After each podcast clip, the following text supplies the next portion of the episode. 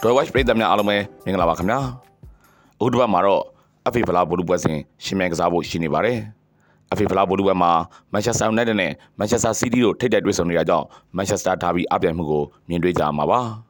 နှစ်သင်းလုံးဟာမျှော်လင့်ချက်ကိုယ်စီနဲ့ရှင်မြန်ကစားကြမှာဖြစ်လို့ဒီဘောလုံးပွဲကအရန်ပဲအပြိုင်မှုပြင်းထန်ပါလိမ့်မယ် FA ဖလားဘောလုံးပွဲစဉ်အကြောင်းကို Dry Watch ပြည်သက်တွေအတွက်သုံးသက်တင်ဆက်ပေးလိုက်ပါရခင်ဗျာ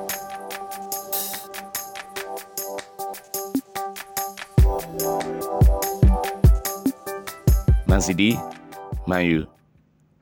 Manchester Derby ပွဲစဉ်ဖြစ်လို့အပြိုင်မှုပြင်းထန်ပါလိမ့်မယ်။ Man U အတွက်ကဖလားနှလုံးချန်ပီယံဖြစ်အောင်ပွဲခံခွင့်ရနိုင်မှုအရေးပါနေတယ်လို့ Man City အတွက်ကလည်းဖလားသုံးလုံးလမ်းကြောင်းအတွက်နောက်တစ်ဆင့်စီတက်လှမ်းရမယ်လေကတိတစ်ခုဖြစ်လို့နေပါတယ်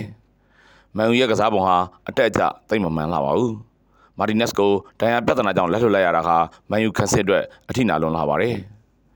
အခုချိန်မှာမန်ယူခန်းစစ်အတွက်ဘာရန်ကအရေးပါဆုံးဖြစ်နေပြီးဘာရန်တစ်ချက်မှားတာနဲ့မန်ယူခန်းစစ်ပေါက်ထွက်သွားတယ်လေရှိတာကိုနီးပြအီရစ်တဟက်ကူစားနိုင်မှုလိုအပ်ပါတယ်။အထူးသဖြင့်မန်စီးတီးတိုက်စစ်မှုဟာလန်ကိုဘယ်လိုလူကက်ကစားမလဲဘယ်လိုနီးစနစ်နဲ့ထိန်းချုပ်မလဲဆိုတာကမန်ယူကိုစိန်ခေါ်လာဖို့ရှိနေတဲ့မေကုန်းတွေပါပဲ။ကွင်းလယ်ချင်းရှင်းလိုက်ရင်လည်းမန်ယူရဲ့ကွင်းလယ်ကမန်စီးတီးထက်အားနည်းလို့နေပါတယ်။ ပရီးမီးယားလိဂ်မှာတော့မန်စီးတီးရဲ့အိမ်ကွင်းမှာမန်စီးတီးက6ဂိုး3ဂိုးနဲ့အနိုင်ရခဲ့ပြီးမန်ယူရဲ့အိမ်ကွင်းမှာမန်ယူက2ဂိုး3ဂိုးနဲ့နိုင်ထားတာကိုမြင်တွေ့ရပါတယ်